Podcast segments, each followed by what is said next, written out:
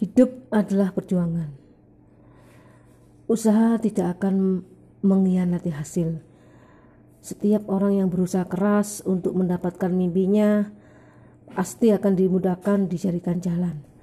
Untuk anakku Yusil Farizal yang semangat dalam mengerjakan skripsinya, jangan patah semangat, selalu dimudahkan dan diberi kelancaran selama bimbingan online bisa segera menyelesaikan skripsinya tepat waktu dan sudah tepat waktu.